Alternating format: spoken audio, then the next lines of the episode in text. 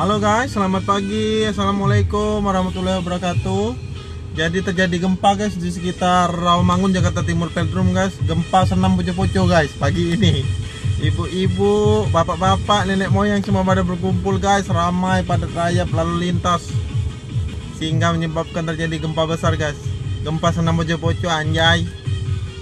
Oke guys, sekian info lalu lintas persenawan ini itulah info dari saya. Selamat pagi, salam sejahtera, sehat selalu dan semoga selalu mendapatkan lindungan Allah Subhanahu wa taala.